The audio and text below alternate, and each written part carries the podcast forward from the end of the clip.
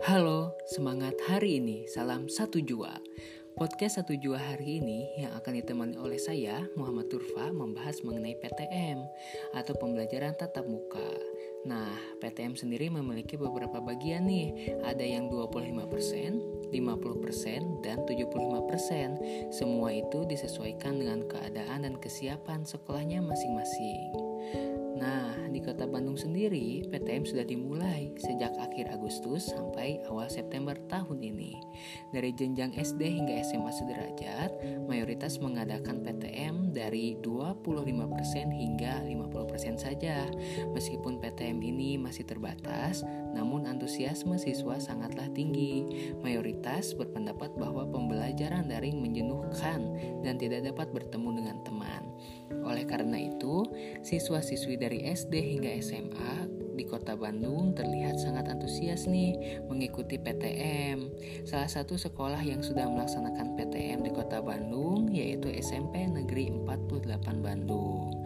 PTM di sekolah ini sangatlah terbatas karena satu kelas hanya diisi 8 siswa saja dan jam sekolahnya yang singkat yaitu hanya 2 jam per hari per 8 orang siswa pun mendapat bagian 4 minggu sekali untuk melaksanakan PTM dari hari Senin hingga hari Jumat.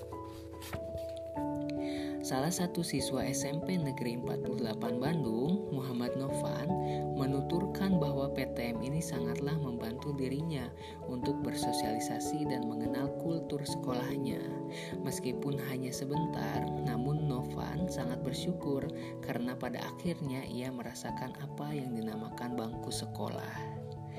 Nah, Mas Menteri Nadiem Makarim menjelaskan bahwa PTM ini akan terus berlangsung meskipun munculnya kasus COVID baru. Oleh karena itu, siswa selalu dihimbau untuk terus menjaga protokol kesehatan seperti memakai masker, mencuci tangan, dan menjaga jarak. Serta perlu diingat untuk meningkatkan aktivitas olah tubuh dan memakan makanan sehat agar tercipta imunitas tubuh yang kuat. Nah, sampai di sini ya episode podcast satu jua kali ini yang membahas tentang seluk-beluk PTM dan keseruan PTM serta opini dari para siswa terkait PTM. Tetap jaga kesehatan, be healthy and be happy. Episode satu jua kali ini sampai di sini ya.